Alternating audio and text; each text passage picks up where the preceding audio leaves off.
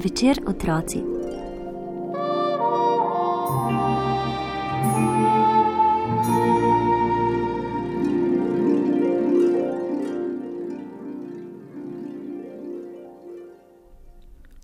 Na veliko noč smo se pripravljali s posebno prijetnim občutkom.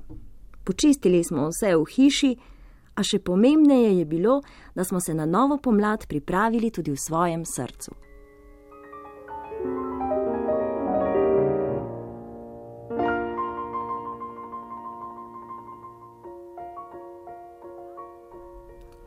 Otroci smo največ časa posvetili igram s pirhi. Povojni čas je bil še tak, da smo v jajcih, blagoslovljenih ali navadnih, poleg velikonočne simbolike, videli tudi vse tisto, kar je pozneje izginilo. Bila so znamenje blaginje. Veselili smo se jih tudi zato, ker so bila res samo naša in je vsakdo lahko brez vprašanja pojedel vsa tista, ki so mu bila namenjena blagoslovljene velikonočne praznike in veliko pirhov smo si navadno voščili. Ker smo z igrami s pirhi pridobivali jajca za vsakdanji priboljšek, so bile te igre toliko bolj razumete. Tako je bilo pri vseh treh igrah s pirhi, ki smo jih poznali v mostah: s trkanjem, sekanjem in zvalicanjem. Kdorkoli si je pridobil jajce na tak ali drugačen način, ga je takoj z veliko slastjo tudi pojedel sosedov pirh je pač še bolj teknil kot domači. Pirhe smo tedaj barvali tako, da smo jih pomakali v rdečo ali modro barvo. Če se je kdo hotel še posebej izkazati, je na kuhano jajce navezal peresce detelice ali kakšne druge rastline, uporabljali pa smo tudi čebulo. Veliko spremembo v barvanje je uvedel moj brat Ciril, ki je naredil pripravo, kakršne še ni videl svet. Sestavljena je iz deščice, ki je nekoliko širša od najdebelejšega jajca. Ob straneh ima pritrjeni dve peresci furnirja, furnirja zato, ker ni tok, in v peresci sta obodeni dve šivanki oziroma buciki. Jajca, namenjena za pirhe, smo seveda najprej skuhali, potem pa smo vsako posebej upeli v to miniaturno stružnico. Upenjanje je bilo eno najzahtevnejših del. Jajce je bilo namreč treba upeti tako, da se je ob poganjanju s prstom mirno vrtelo v peto na bucikah. Ko je bilo to delo opravljeno, ga je bilo treba samo še pobarvati s čim bolj živimi barvami. Zato so bili odlični raznobarvni šolski tuši. Pirhe smo barvali tako, da smo čim tanjši čopič pritisnili od strani k jajcu. Tako so se na mestu dotika v hipu med vrtenjem jajca naredile oske črte vse naokrog okoli lupine. Barvanje smo zastavili na sredini in ker je bilo jajce še vroče od kuhanja, se je barva takoj posušila. Potem smo naprej poganjali jajce, s čopičem pa dodajali debelejše ali tanjše črte na obeh koncih jajca. Tako je v nekaj minutah nastal pisan pirh z izredno ravnimi črtami okoli lupine. Saj to je čudež, je dejala mama, ko je videla prvi tak pirh. Ja, imate pa res mirne roke, je menil Ata.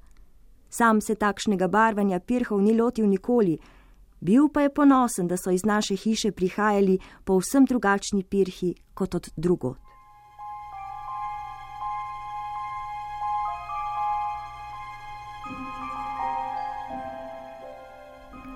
V kmečkem glasu smo prebrali sporočilo.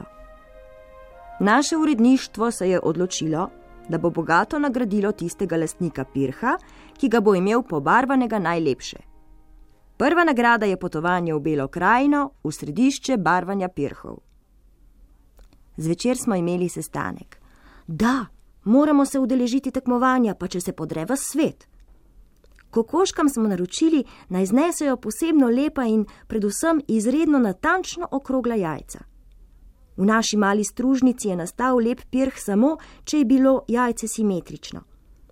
Videti je bilo, da so kure naše želje upoštevale.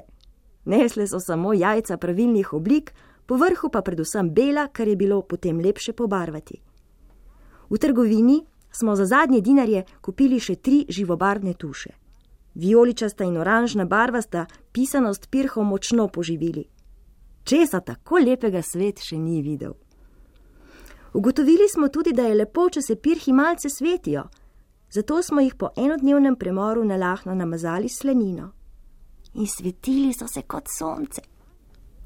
Ker smo se bali, da bi nam kdo tako rekoč že nagrajene pirhe na pošti ukradel, tudi tega ni bilo malo, predvsem zato, ker se je vsakdo hotel prepričati, ali se pod lupino skriva navadno jajce ali ne.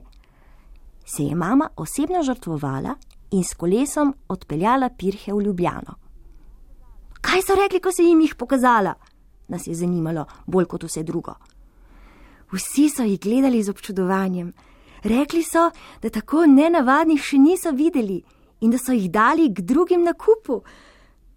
Podkrepljeni z ugotovitvijo, da tako lepih pirhov ne znajo ustvarjati pač nikjer druge na svetu, smo iz dneva v dan nestrpno pričakovali izid natečaja za najlepše pirhe. Ko je poštar le prinesel kmečki glas, smo planili v hišo in vsi zadržanim dihom brali. Odziv na natečaj je bil velik. Prejeli smo čez 300 pirhov iz vse Slovenije. Odločitev je bila težka, vendar se je petčlanska komisija na koncu vendarle zedinila in odločila, da podeli nagrade desetim izdelovalcem pirhov. Napisano je bilo deset naslovov, med njimi našega sploh ni bilo. Ne, ne, ne, ne, ne, ne, to mora biti pomota, smo bili prepričani vsi.